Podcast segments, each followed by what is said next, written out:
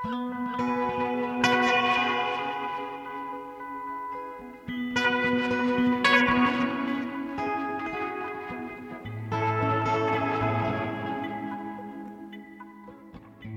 og sæl, kæru lustendur. Við sjáum komin í loftið miðugudaginn 20. og 8. desember. Ég heiti Halla Harðardóttir og hels ykkur hérna úr hljóðstofu í afstaleiti. Þátturinn verðum með heldur óvinnilegu sniði í dag. Við hefjum leika á Ríni í jólafrumsýningu þjóðleikúsins og rifjum svo upp umfjöllun frá því upphafið þessa árs. En myndlistarárið hófst með stórglæsilegri yfirlitsýningu á verkum Birgis Anderssonar. Eins langt og augað eigir kallaðist þessi umfangsmikla síning sem tóku yfir nær alla kjarvalstaði. Birgir var leiðandi afl í myndlistasenu Reykjavíkur í áratugi og skapar stóran sess í listasögu Íslands en hann lést langt fyrir aldur fram árið 2007. Birgir hjælt fjöldasíninga, hérlendis og erlendis á litrikum ferli sínum og var valinn til að taka þátt í Feneijartvíjaringnum árið 1995 fyrir hönd Íslands. Við Guðni Tómasson settum saman heilan viðsjárþátt í byrjun februar þar sem við rættum við aðstandendur síningarinnar og fundum til efni tengt byrgi úr sapni Ríkisútarpsins og hluti úr þessum þætti verður endurfluttur í dag. En við byrjum á leikosrýni. Á annan í jólum var nýtt verk eftir þíska leikskaldið Marius von Mayenburg frumsynd í þjóðleikosunu. Um er að ræða heims frumsýningu á LNB, fyrsta verkinu í þríleik sem fjallar um samskipti nútíma fólks, ástina, valdið og nándina. Eva Haldóra Guðmustóttir tekur nú við. Áður en lengra er haldið vil ég láta hlustendur vita að í þessum pistli verður fjallað um ofbeldi, tegundur þess og afleðingar. Manneskjan verðist ekki þreytast á að velta sér upp úr margslungnum samböndum og spennuþrungnum samskiptum í menningarefni. Listafólk bregður sér í hlutverk rannsakanda og sviðsettur fyrir okkur tengsl í þeirri von að við komumst nær hvert öðru og okkur sjálfum. Stöðug leit að einhvers konar sannleika verðist vera ótæmandi uppspretta verka af ímsu tægi. Á mánudaginn síðastliðin var heimsfremsýning á verkinu LNB í uppsetningu þjóðleikusins. Þetta er ákvæmlega merkilegur viðbyrður að því leitinu til að saman er komið listafólk á heimsmæli kvarða til að vinna að mikilværi síningu. Nýverið var emitt púsiræjat með stórmerkilegan gjörning jafnframt sinni fyrstu yfirlitsýningu hér á landi. Það gleður mig hver mikil gróska er í íslensku leikúsi um þessar myndir og greinilegt að Evrópa er farin að leita til Íslands þegar kemur að tilraunum og framsækni í fæinu. Í verkinu LNB verjum við kvöldinu á heimili þeirra Klöru, leikin af Ebbu Katrínu Finnsdóttur og Astridar, leikin af Unni Ösp Stefansdóttur. Þær eru par. Astrid er kennari í mentaskóla og hefur bóðið yfirmanni sínum, Ulfi skólastjóra og fyrrum kennara Klöru sem er leikinn af Benedikt Erlingsinni í drikk heimaferir. Það sem verðist í fyrstu ætlaði verða ánægilegt kjæftakvöld samstarfsfélaga breytist í spennutrilli þar sem kjæfst er við að sigra og ná valdi yfir mótærjanum. Handrit verksins skrifar Marius von Mayenborg sem er eitt virtasta leikskald Evrópu um þessar myndir. Hann er höfundur, leikstjóri og þýðandi og hafa verkans verið sínd um allan heim og verið þýtt á ótal tungumál. Hárbeitt ádela á valdastruktúr samfélagsins enginnur oft verkans en í LNB kafar Mæjenburg ofan í djúpið og rannsakar valda ójapvægi í sambundum og samskiptum. Samtölpersonana eru gríðarlega áhugaverð Maður finnur strax frá byrjun að hver einasta setning er útpælt og verður upplifunin svo að orðin séu vopn í höndum karakterana. Viljandi gefur hann okkur engar sannanir eða staðfestingu á hvað er satt og rétt, heldur er allt verkið orð gegn orði. Hver einasta persóna er sannfærandi og ótrúverðug í sann. Hann leikur sér að gildismati áhranda og kastar okkur fram og tilbaka í átökum þeirra astritar, úlfs og klöru. Verkið byrjar kurtisislega og verðist yfirborskjent en tekstinn er kröftugur og hraður. Þau takast á um hugmyndafræði og deila skoðunum sínum um hvernig samfélagið ætti að vera en þegar öll er á botnin kvöld eru þau að grafa undan hvert öðru. Samtölinn eru spennuhlaðinn og framan af er greinilegt að aldrei er verið að segja hlutina beint út heldur verið að leika sér að bráðinni. Gefa í skina og sért með handsprengju í bókahorninu.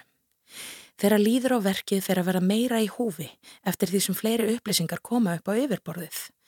Ef ekki virkar að reyfa við andstæðingnum með óræðum vísbendingum og hlöðnum staðhæfingum byrja þau að ásaka hvert annað um gjörðir sem teljast alvarlegt ofbeldi. Áhörandin getur aldrei treyst neinu og er fastur í ringiðu ásakana og hótana. Marius von Mayenburg er einstaklega fær í persónusköpun og hvernig hann velur hvaða karakter hans viðsettur. Til dæmis með þeirri ákvörðun að hafa ástarsambandið í verkinu lesbíst nær Mæjenborg að þysja inn að kjarnamannlegs eðlis.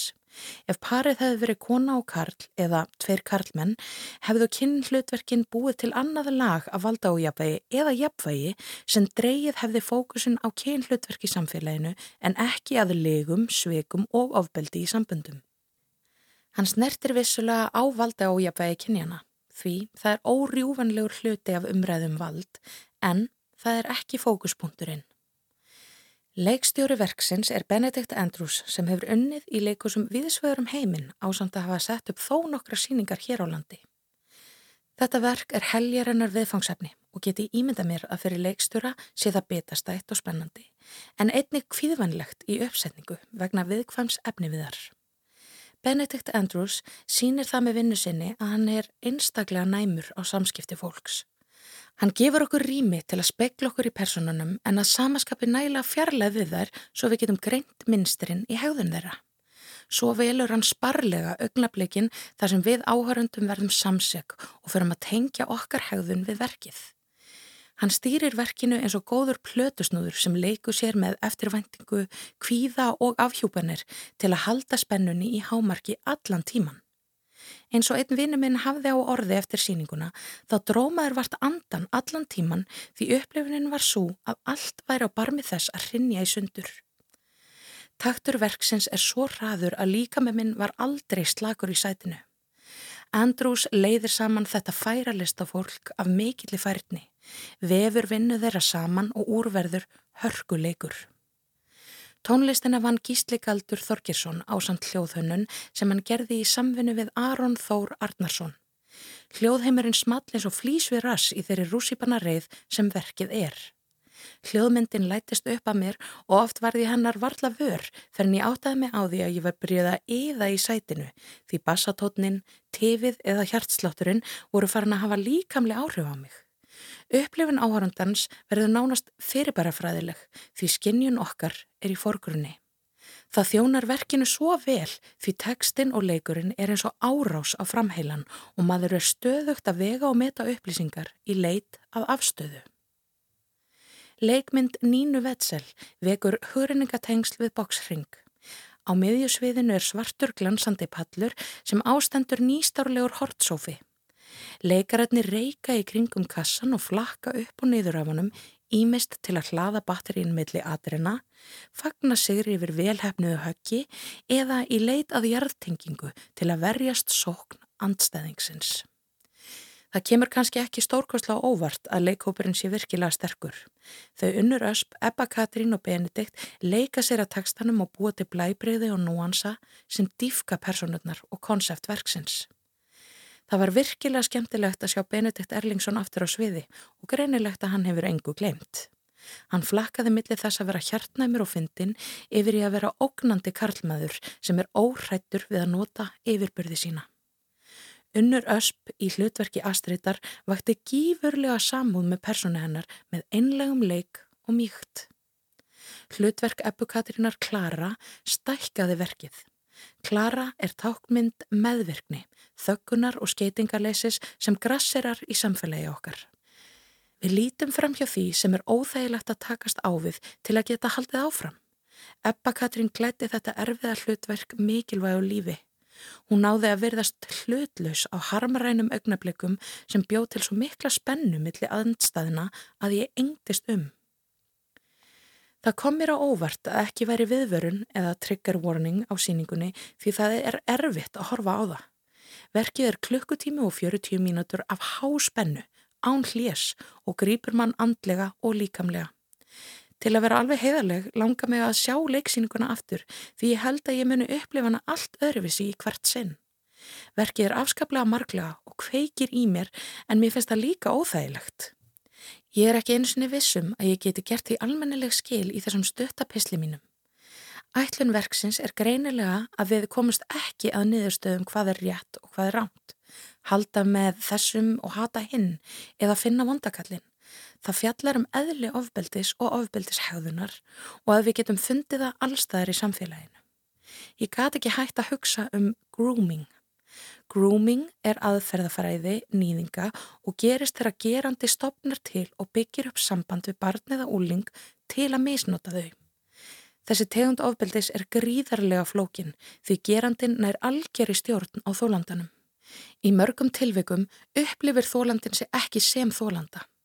En verkið bendur okkur á að kerfislegt er hægt að finna sömu herrkjænsku til að ná stjórn á okkur sem þegnum samfélagsins. Verkið fekk mig á köplum til að evast um eigið mat á aðstæðum þólenda og það var gert til að sína mér hversu auðvelt er að stjórna skinnjun okkar á sannleikanum. Skilgreiningu ofbeldis er aldrei á gráu svæði. Hún er alltaf skýr, en það eru réttlætingar geranda á vafasamri hegðun sinni sem búa til þessi gráu svæði því að nær að sannfara okkur um að hans sannleikur sé hinn rétti. Fólk sem beitir öllum bröðum til að fá þig til að samþykja ástæður gjörða sinna, nýtir kerfið til að komast upp með ábyldishegðun og að lokum sigurar sá sem nær að sannfara hina um virði sitt og mikilvægi. Einni sínir verkið okkur afleðingar fordæmingar og að við séum öll afurð aðstæðin okkar. Ég varð halvpartin vonlaus og vongóð á sama tíma. Sýningin afhjúpar bæði vittneskjuna sem mannkinnið hefur um ofbeldi og afleðingar þess en jáfnframt hver lítið hefur áunist í hvað hægt sé að gera þegar einhver beitir ofbeldi. Kerfislegt ofbeldi smígur í alla króka og kema samfélagsins, mótar hegðun fólks sem svo stopnar til sambands við aðra mannesku og beitir þar sömu bráðum. Baráttan við ofbeldi í nánum samböndum er svo stutt komin því kerfislegt er enn verið að stjórna sannleikanum. Eva Haldóra Guðmundsdóttir er indi hér í jólasýningu þjóðleikúsins, verkið LNB eftir Marius von Mayenburg í leikstjórn Benedikts Andrews. En þá komað því að rifja upp myndlistarsýningu sem opnaði dyr sínar á kjarvalstöðum í upphafi þessa árs, yfirleitt síningu á verkum Birgis Andressonar. Það má hæglega kalla þessa síningu meiriháttar viðburð á menningarárinu sem nú er að líða. Við heyrum nú hluta umfjöllunar og viðsjá frá því byrjun februar sem við Guðni Tómasson settum saman.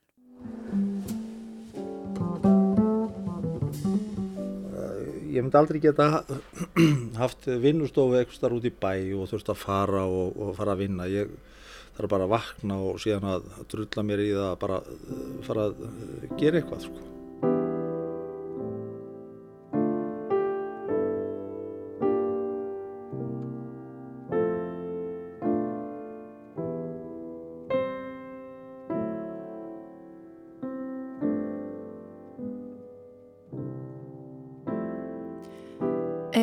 Langt og augað eigir kallast umfangsmikil yfirlitsýning á verkum Birgis Anderssonar sem tekur yfir nær alla kjarvalstaði. Birgir var leiðandi afl í myndlæstarsenu Reykjavíkur í áratugi og skapar stóran sess í listasögu Íslands en hann lést langt fyrir aldur fram árið 2007. Birgir hjælt fjöldasýninga hérlendis og erlendis á litríkum ferli sínum og var valinn til að taka þátt í Feneja tvíjaringnum árið 1995 fyrir hönd Íslands. Robert Hobbs er bandariskur listfræðingur sem að sérhafi sig í myndlist 20. aldar og hann er síningarstjóri síningarinnar. I had the great pleasure of seeing an exhibition of his work at Sean Kelly's gallery in New York. And I was fascinated with the work, uh, one because of the, the very dry sense of humor the intelligence and also the use of color because very few conceptual artists have worked with color. Það var á sínum tíma ánægileg reynsla fyrir mig að sjá síningu með verkum Birgis Anderssonar í Galleri Sean's Kelly í New York. Ég heitlaðist strax að verkunum til dæmis vegna þessa mjög svo þurra húmor sem enginnir þau hvað þau eru vitsmunaleg og líka að litanótkunni vegna þess að mjög fáir hugmyndalistamenn hafa unnið jafn mikið með lit og byrgir. Litur á til með að vera nokkuð snúin en Birgir átti aðferðir til að vinna með hann. Þannig að ég var hansi spendur yfir þessari síningu á sínum tíma. Svo var ég beðin um að taka að mér síningastjórn á þessari síningu og vildi ferðast til Íslands fyrst til að kynnast verkum listamannsins betur, rannsaka þau og hitta vini hans, sonans og fyrrum eiginkonu, galleristan hans og þá sem þekktu vel til hans. Allir voru mjög hjálplegir á Íslandi. Well, I didn't know much about Iceland when I started off. One of the things that fascinated me was the the real contradiction between an artist who is using cutting edge conceptual art approaches for something that is so traditional. And this disparity fascinated me and I thought, well, I've got to know more about Iceland and its traditions. Ég vissi ekki mikið um Ísland þegar ég byrjaði að kynna mér verk Birgis Anderssonar, segir Robert Hobbs. Eitt sem hellaði mig var svo mótsögn að Birgir virtist vera að nýta sér aðferðir framsækinar hugmyndalistar til að skoða eitthvað hefbundið og íslenskan þjóðmenningar arf. Og þessi mótsögn hellaði mig og með ég að vita meira um Ísland og myndlistarhæðinu þar. Og hægt og rólega fór að myndast myndi í höfðinu á mér að Birgi verkumann svo hugsun. Ég var hrifin að orðinu nálægð sem ég rakst á aftur og aftur í textum Birgis og í því sem um hann hefur verið skrifað. Nálægð. And then I was very puzzled by the word nearness, which keeps cropping up in a number of his artist books and statements. And so I thought, well, nearness has to mean something, just not closeness to uh, local traditions uh, in an artist such as uh, Brigier, because he's so fascinating and complex. Þetta orð nálægð heitlaði mig, þetta hlautað þýða annað en bara það að vera nærri staðbundnum hefðum því að Birgir er jú heitlandi og flókin listamæður. Og svo áttaði ég á því að þessi hugsun kemur úr stórri heimsbyggilegri hefð, þar sem heimsbyggingurinn Martin Heidegger er algjörlega miðlegur. Og já, þá þurfti ég að tengja þá tvo saman. Birgir sapnaði bókum og ég áttaði mig á því að verk Heideggers voru mjög ábyrjandi á 7. og 8. áratögnum, þegar Heidegger fór að hafa mikil áhrif á fagurfræði. Og hugmyndir Heideggers um nálaðina snúast um það að maður reyni að nálgast eitthvað í umhverju sínu en átti sig jafnframt á því hver fjarlægt að er manni í raun og veru. Þannig má segja að Birgir sé alltaf í verkum sínum að reyna nálgast sinn íslenska bakgrunn í gegnum verk sín en rannsóknir hans gera það að verkum að hann verðist um leið fjarlægast þennan arf. Þessi mótsögn kemur fram í tengslu við nótkunans á aðferðum hugmyndalistarinnar við sína rannsóknir á íslenskri þjóðminningum. Í þeirri aðferðir innbyggð mótsögn. And his idea of nearness um, is the concept of coming close to something and realizing how far away it really is. And certainly for Bashir to come close to his own Icelandic background and tradition, and then to realize how very far removed it is. So that sense of distance and removal is something that occurs in his work uh, through the paradoxical relationship of uh, conceptual art technique used to deal with very traditional Icelandic culture. Við göngum um síningun á kjarvalstöðu með Aldísi Snorradóttur, verkefnastjóra síninga hjá listasafni Reykjavíkur. Hér horfum við að verki Náttúruspjall frá árinu 1976 og þetta síndi Birgir í Súmsalnum en þar síndi hann ásand Magnúsi Pálssoni og hér sjáum við ljósmynd á hvítum fleti og undir ljósmyndinni stendur Náttúruspjall og ljósmyndinni er Birgir Andersson, ungur í frakka sem að hann kallaði konceptfrakkan og liggur undir rofabarði, svona eins og rolla, en er að blása. Og þetta er svona leikur að orðum hvort hann sé að spjalla náttúruna eða spjalla við náttúruna.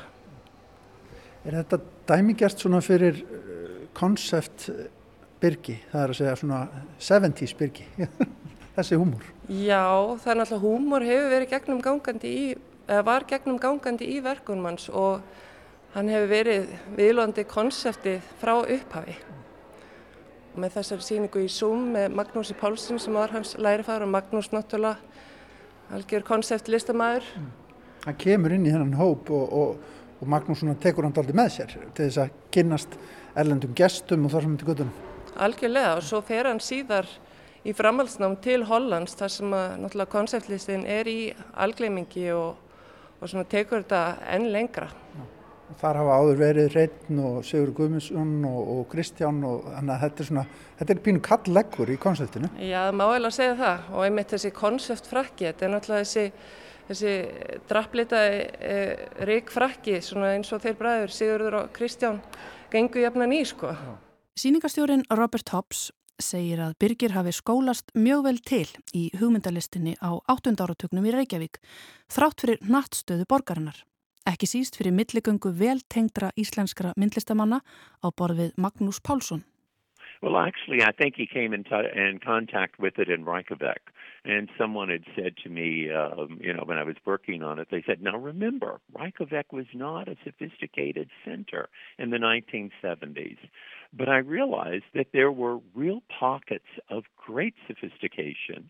And so he had the, the great advantage of working with somebody like Dieter Roth, who married an Icelandic woman, and also the Fluxus artist, uh, Robert Fiu, as well as with Polson. And the fact that Polson wanted to do a show with him when uh, Brigitte was an undergraduate student was really quite exciting. Einhver saði við mig, myndu bara að Reykjavík var ekki langt komin menningamiðstöð á 8. áratögnum. En eftir því sem ég kannaði Birgi og verkans frekar áttaði ég með á því að það voru mikilvægar tengingar við alþjóðlega ströyma hugmyndalistarinnar sem mynduðust í Reykjavík á þessum tíma. Birgir kynntist og vann í kringum Dítir Rót sem var giftur íslenskri konu og bjó í Reykjavík og til Reykjavíkur kom líka flúksuslistamæðurinn Róbert Fíu. Svo var Birgir undir handleðslu Magnúsar Pálssonar og svo staðreinda Magnús vildi sína með Birgi strax á meðan hann var enn í listaskóla er hansi mögnuð og segir til um það hver næmur Birgir var fyrir hugmyndalistinni. Þetta gerði það að verkum að hann áttaði sig á því að hann þyrst að taka listina alvarlega. Þetta var áður en hann fór til náms í Hollandi sem var þarna á 8. áratöknum einn mikilvægasta miðstöð hugmyndalistarinnar á heimsvísu. Jafnaðist alveg á við New York og Paris þegar þær borgir skiptu sem mestu máli fyrir framþróun myndlistarinnar. Svo er hérna líka ungt verk sem heitir Eiktamörk, uh, sé frá Hækingstæli Kjós það er frá 1979 og þar sér maður einmitt uh, þennan áhuga á þjóðararfinum hvað hann kemur snemma inn en hann uh, skoðaði bókina Íslenski þjóðhættir eftir Jónas frá Hrafnagili og las þar um eiktamörkin sem er alltaf hvernig tími var í rauninni skinniðar hérna hjá bændum sem áttu ekki klukku. Bara út frá bænum? Já, og hann fór hérna í kjós á þennan bæ og fekk bóndan til þess að taka myndir af þessum eiktamörkum og ljósmyndaserían er í rauninni afurðin eða verkið sem að kemur úr því. Ég spyr Birgi Andrisson fyrst hvað drægi hann sem myndlistarmann að íslenskri þjóðmenningu og táknum hennar. Ég held að segja svona að megnunni til þá er það svona ákveðin bara forvitni að svona forvitninga hvert uh, einhverju sem að já, er svolítið kannski svona sér og parti og uh, kannski að einhverju leiti ein, einstakt og ef við tökum, eða tölum um þetta fyrirbæri eins og, og þjóðmenningu eða þjóðarmenningu að þá að mörguleiti þá finnst mér hún eiginlega ekki lengur eða ef hún hefur ekkert tíma verið að þá er hún ekki lengur til, ekki sem slík. Þannig að hún er hún er meira svona á, á einhverjum stjölum og einhverjum pappirum og, og er gemt inn á, inn á söfnum og er svona meira og minna fyrir sérfræðinga. Og það er þeirra svona svolítið að að já að gefa okkur svona smá nasasjón að því hvernig við hvernig við lítum út og hvernig við ættum kannski að að líta út, ég veit það ekki. Ég held að mörguleiti sko í sambandi við Íslendinga að uh, þessi svo kallað uh, þjóðar einkenni að þau eru að markan máta sko þau eru mjög svona komisk Sko ef við höldum áfram þá er náttúrulega stóra ástin kannski í lífi Birgis þegar kemur á myndlistinni er já, þjóðlegur arfur. Já, við sjáum það alveg. Þá má segja það að þjóðararfurinn hafi verið gegnum gangandi og hann notar hann aftur og aftur eins og frímerkin, það eru, hérna eru fjöldin allur af frímerkjum sem að hann vann út frá og þetta voru þá frímerki sem var gefin út að tilöfni að Alþingisháttíð 1930 og eru rosa þjóðuleg og með fjallkoninni og, og íslenska fánanum og, og hann er búin að blása þetta svona upp þannig að einmitt að rastin í prentinu sést mjög vel. Mm -hmm. og það sem var skondið við þessi frímerki eða það sem að honum fannst kannski aldrei skondið var að þetta var austurísku maður sem að hannaði þessi frímerki af þessari íslensku þjóðarýmynd og hann er svona að vinna með þessa þjóðarýmynd og hvað við teljum þjóðulegt en, en samt einhvern veginn afbaka það Nú maður bara eftir að fara í störtu og, og hérna og sena sig sko og, og bara í flugvíluna og skála bara. Birgir, hún er að Sandi. taka upp hérna. Sandi.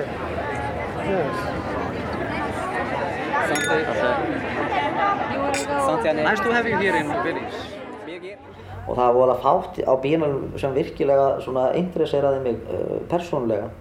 Ég held að það sem að kemur bara mm, svona helstu pjóðan eru bara mm, eru svona fallegar minningar frá, frá, frá þessari borg. Þessir fánar eru náttúrulega algjörlega dásanleir.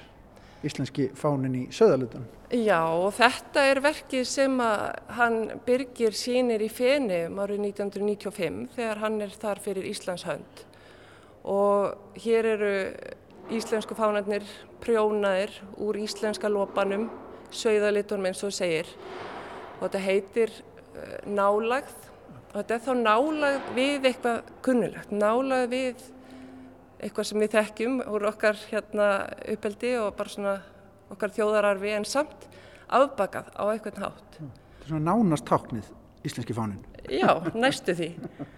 Og svo eru líka þessu verki fylgir, fylgja myndir eða teikningar af e, rústum og þessar rústir eru af húsum sem voru byggð um það leiti sem að einhverja glæsibyggingar í fenum voru byggðar sem að standa þar enn.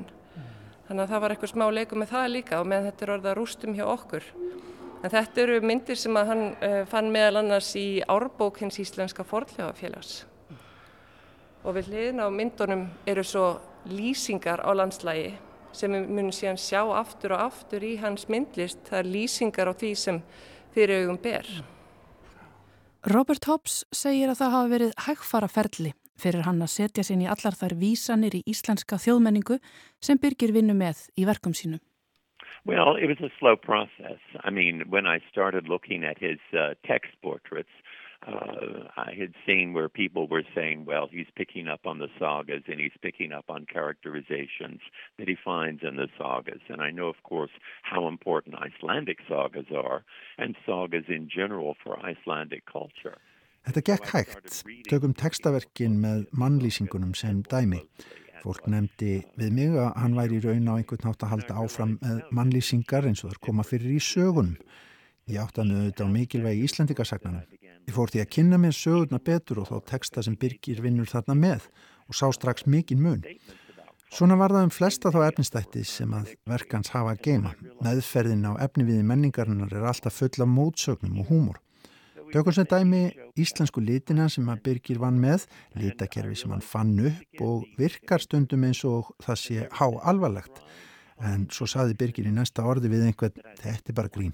Það er alltaf mótsögn og alltaf leikur í þessar nálgun hans og alltaf þessi þurri húmor sem engjandi verkin, sem er að mínum að þetta einlega bæði guðumlugur og dásanlugur. Þetta er engin sætur og dúlulugur húmor heldur uppfullur af íróníu sem er ætlu til þess að áhórandin hugsi alvarlega um verk listamannsins. Hann treystir alltaf áhórandanum.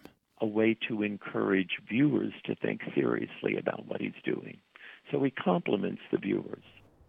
Þetta er þannig að, að mannkynnið er allt meira og minna. Það er eiginlega svona, það uh, starfar á mjög svipaðan máta.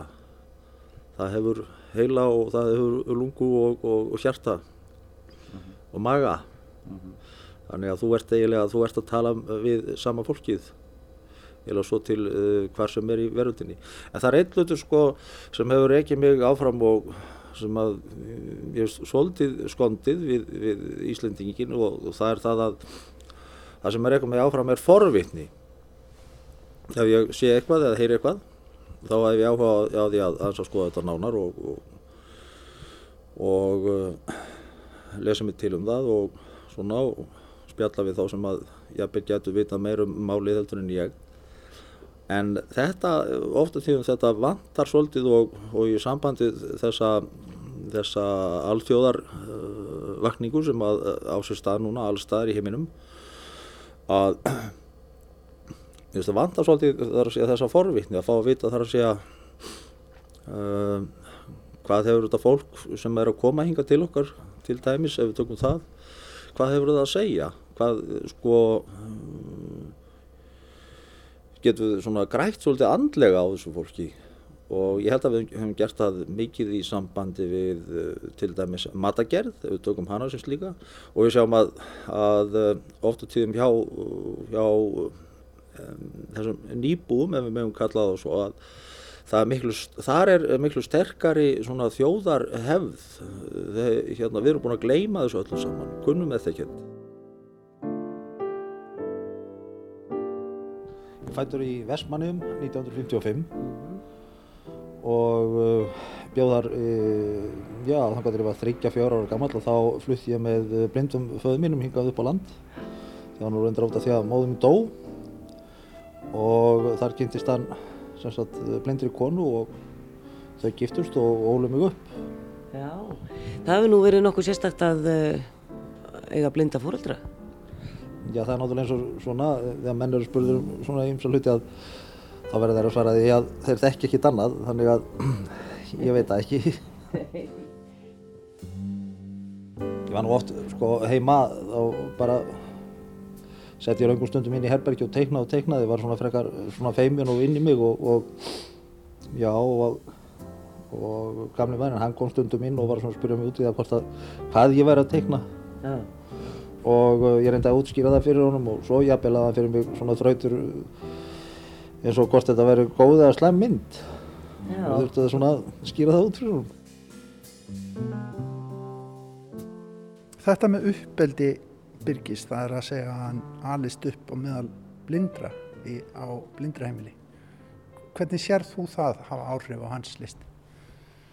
Ég sé það alveg hafa haft gríðarlega áhrif á hans list og það er rauninni litar hans upplifun af sínu umhverfi og af því hvernig hann ákveður að tjá sig og maður sér það í rauninni enn betur í gegnum myndlistina þegar hann svona saman komin hvað hann var sem rauðið þráður í gegn. Hann er alltaf að lýsa fyrir, fyrir sér og fyrir einhverjum öðrum og það er alltaf, við erum bara þakklátt fyrir það sem áhöröndur. Já, það hendar kannski sérstaklega vel fyrir svona útvastátt. Hann nóg að lesa, hann nóg að lesa. Og lýsa. Well, let me say this. I think that uh, Brigier started life as an outsider. What happens with an artist who comes out of a home for the blind with two parents, his father and his stepmother, who he said was extraordinary and like a real mother to him, who grows up in a home for the blind. And I realized that it was a very important reinforcing center for him, as well as it was an opportunity uh, to to really grow up in a culture where Icelanders were outsiders. Ég skal orða það svo að Birgir Andersson hóf sitt líf sem utangarsmaður, segir síningastjórin Robert Hobbs. Ég þurft að svara þeirri spurningu hvað gerist fyrir listamann sem er alin upp á blindraheimili, að blindum föður og blindri stjúpmóður. Ég áttaði mig á því að það var ekkert óvennlegt fyrir Birgi að upplifa sig sem utangarsmann frá heims ströymum myndlistarinnar síðan meir. Birgir skilur reynslu utangarsmannsins vegna reynslu sinnar í æsku og þetta þýðir að þegar hann tekur fyrir íslenska menningu og undirlíkjandi fyrirbæri í henni þá er hann í senn innangars og utan. Hérna stönduðu fyrir framann fundnar myndir, hann var líka bara fann alls konar þjóðlegt efni og setur fram í sínum verkum. Uh, hvað er við að horfa á hér? Þetta er mikið hausasafn. Já, þetta er stór seria sem heitir Annars konar fólk og eru myndir af ymsum karakterum og típum sem við höfum mörg heyrt um uh, og svona voru já, jæðrinum í íslensku samfélagi, skulle við segja, flökkumenn og konur og já, það hefur höfðu sína ymsu ástæður til þess að vera flakkandi um sveitinnar og hér má sjá til dæmis Jóhannes Birkiland og Sólón Íslandus og, og, og bara fleiri áhugaverða karaktera. Um, og í miðjunni er svo mynd af honum Helga sem að bjóða blindraheimilinu líka Já, býtu hver er það hérna? Nú voru benda mér á Það er hann. hérna í miðjunni. Já, já, það er eitt sem við, Helgi Gunnarsson frá Grund. auðvitað mikið yngri, yngri mynd en hinnar. Já, Það sé það strax. og hérna en hann var mjög sérstök og skemmtileg típa sem að, sem að, já, svona hafði mikil áhrif á Birgi.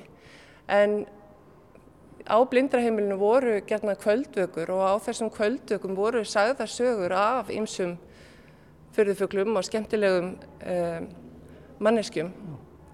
Og það svona var hluti af, af þessu að, að fá áhuga á, á þessum karakterum. Í upphafi þá sá hann bók um drauma Jóa, það var bara árið 89 held ég, og þá sínd hann myndir af drauma Jóa, þá bara var það par, en svo ógst þetta og varði raun og síðar að, að þessari stóri seríu. Nú, í sambandi við uh, uh, þessa serju af, af uh, þessu flökku, flökku fólki, ég myndi nú ekki segja að þetta væri svona ú, útigangsfólk. Það er ekki nema tveir, held ég, útigangsmenn í þessari serju og það var alltaf hægt að kalla þá úti, útigangsmenn út af því að þetta voru mjög uh, svona vinsælir karakterar í, í Vestmanniðum.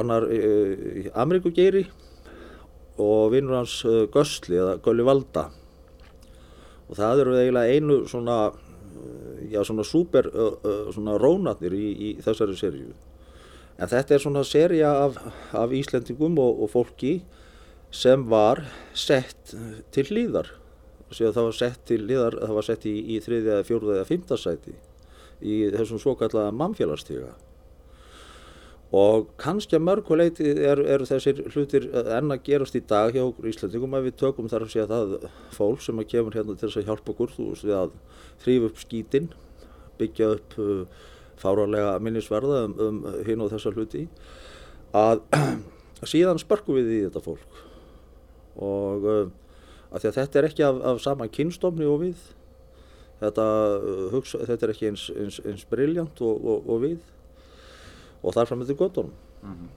En, en, en þeir, þessi karakter hafa náttúrulega, þeir hver og einn, stórkoslega, stórkoslega sögu og uh, mikið af þessu voru menn sem að voru listamenn, skáld og um, þetta eru bara, þetta eru, þetta eru fólk sem að uh, við hefum eftir að endurmeta og sjá í, í hérna í öðru, öðru ljósi. Nú tökum við okkur stöðu hérna aldís fyrir framann stórt og mikið verk sem að þessi síning tekur napsitt af. Hér stendur eins langt og augað eigir. Þetta eru íslensku litirnir hans, Birgis. Já, íslenskir litir sem hann skilgreinir sem íslenska liti og við sjáum þá líka í til dæmis mannlýsingunum að, að hérna, þeir fletir eru skýrðir eftir uh, íslenskum litum. Þetta er litakerfi sem hann býr sér til. Já, þannig að hér sjáum við eins langt og augað eigir og svo nokkur neðar litir íslenskur 2010 R90B og íslenskur 3060 Upsilon 70R og þeir sem tekja til þá er ég að þylja upp NCS litakerfið sem er sænst kerfi og hann notaði líka Pantone kerfið en hann skilgreina það sem íslenska. Og ekki, hann reyndi að finna til íslenska liti, ekki út frá kannski íslenskum litum sem maður finnur í náttúrunni af steinum og jurtum og mosa og þess aftar heldur frekar af íslenskum munum og hlutum sem að höfðu verið gerðir hér á landi af Íslendingum. Mm. Eða öðrum bara sem að finnast hér á landi til dæmis í kirkjum eða á munum sem að finna á þjóðminjarsafninu. Þannig að uh, þetta verður alveg gegnum gangandi líka og þannig er náttúrulega að koma Þetta er svona aftur leikur með þjóðararfin og hvað er, hvað er íslenskt og hvað ekki. Því hann horfði alltaf á sig sem alþjóðlegan listamann þó að hann var vissilega fættur á Íslandi og, og svona er að skoða þetta í alþjóðlegu samengi. Þetta verk er hér málað á heilan vegg á gafl hérna í vestursalunum og það kemur með leiði ekki sett að utan. Jú, þetta fína verk er í eh, sapning Metropolitan Sapsins í New York. Þannig að við þurftum að óska eftir leiði fyrir að sína þetta verk. Og þetta er svo kallar fyrirmælaverk, svona algjört hugmynda konseptverk, þar sem við raunum bara fáum USB-likil og fyrirmæli um hvernig við eigum að setja þetta á veggin. Og það getur teikt sig og, og mingað bara eftir því hvernig veggurinn er. Og við ákvaðum að setja þetta á mjög stóran vegg. Og þá er rauninu bara breytist letrið eða leturstarðin eftir því. Og það sem er skemmtilegt við að þetta er í sapning Metropolitan Sapsins er að þau, þau vildu að það væri á íslensku. En hann gerði svona veggverk líka á ennsku en þau vildu fá verk sem að var á íslensku og svo er þetta svo falleg fall, svo er þetta svo falleg orð einst langt og augað eigir sem einhvern veginn á svo vel við byrgi og, og svona hans sín og svona hvernig augun tengjast hans myndlist og það að sjá. Svo er þetta náttúrulega bara landslag. Já.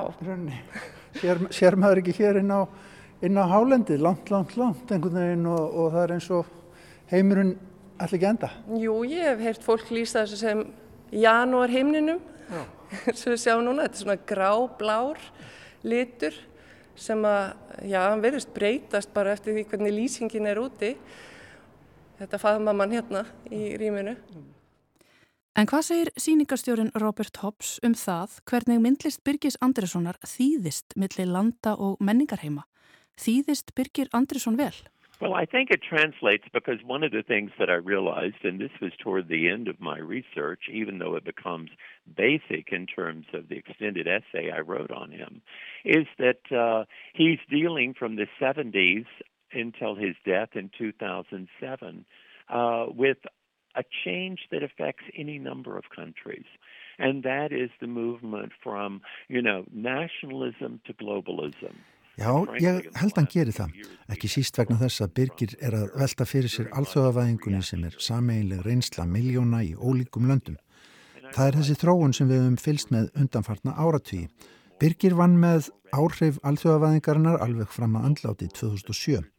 Ég gerði mig grein fyrir því að á Íslandi, rétt eins og annar staðar, voru mismöndi reyfingar sem að vildu ímist fara rætt eða hægt í þessum efnum, samlegast ytra umhverfi eða halda fast í sérkenni og hefðir landsins. Að þessu leik byrgir sér í verkum sínum en þröngvaði þó áhöröndanum aldrei til að taka beina afstöðu, heldur sveiplaðist sjálfur fram og tilbaka. Þetta kveikir á virkum lestri þess sem á horfir. Og það er mín skoðun að klárustu listamæðnir geri áhórundum sínum háttundur höfði og segi þeim aldrei hvað þeim eigi að finnast fyrir framann verkin. Já, ég hugsa að það verið mjög snemma. Ég ætlaði mér að vera myndlistamæður. Það kom ekkert annað til greina. Nei. En það, sko, ég veit ekki, ég bara svona í gegnum alla mín á skólagöngu, þá fjell ég alls þar, það frekar slappur í öllu. Já, og svona lærði einhvern veginn alltaf aðra hluti, þetta er náttúrulega alltaf að læra. Þannig að uh, það kom eiginlega ekkert annað til greina að þetta er að verða myndlistamæður.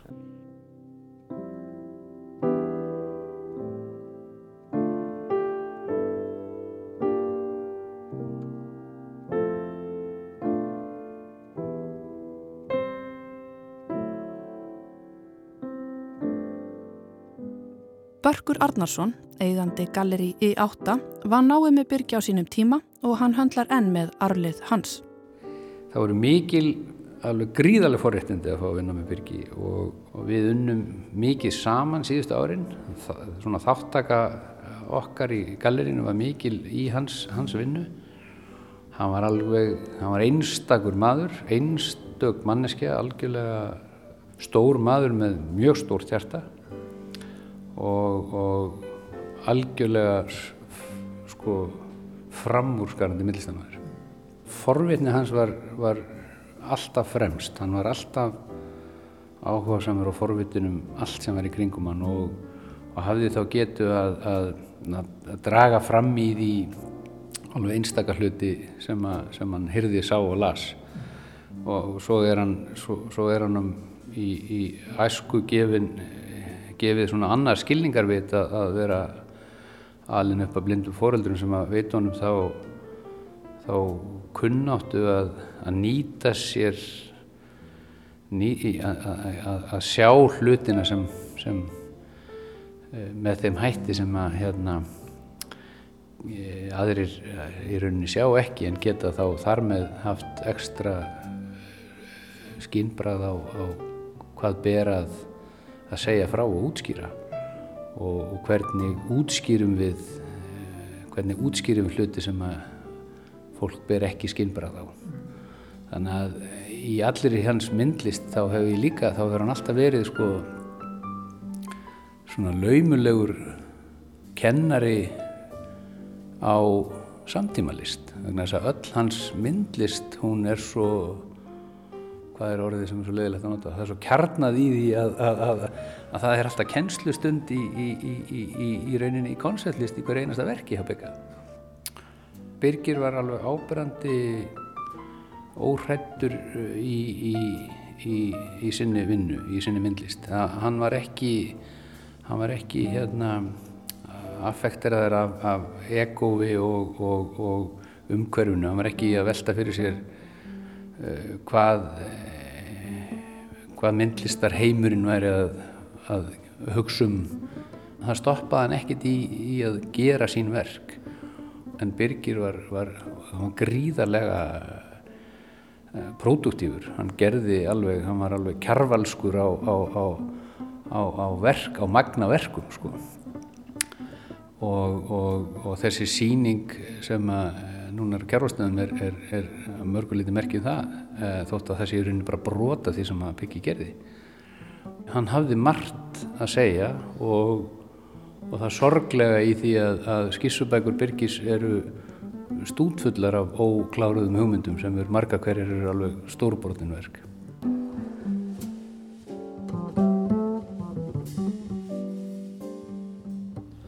ég hef gaman að þessu líka að setja þetta þar að segja inn í eitthvað svona annað samin út af því að jábel þó ég búið til einhverja teikningar að þá vil ég horfa það líka þar að segja í eitthvað ákveðin svona installasjón þar að segja innisetningu. Ef þú ert með uh, segjum við gíflött magnaði einhvern teikningum af svona af sjó Já. síðan eftir með þar að segja segjum við 20-30 tófur svona á einhverjum standum og þær hérna sko syngja svona undir, undir bláhimni sko, það minnst að fungir einhver staðar. Að, þú veist það sem að ég er, er alltaf að tala um er, er bara hvað er stórgóðslegt og dásanlegt að vera Íslendingur af því að það eru svona, það er, það eru svona hvað kallar það? Já við getum sagt eins og, eins og, hérna, eins og Lagsnes saði eitthvað sko að það eru mannréttindi að með að vera eins heimskur eins og hver vill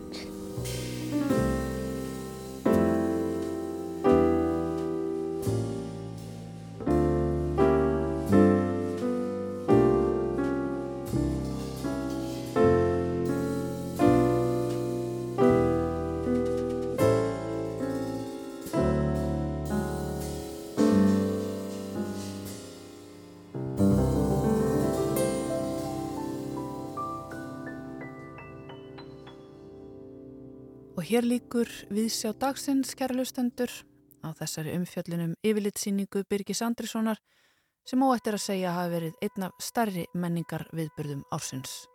Á morgun, fymtudag, verður síðasti þáttur ársinsfluttur og þá fara við sjá lestin í eina seng þar sem að fari verður yfir menningarárið með góðum gestum. En þanga til, takk fyrir að hlusta og verið sæl.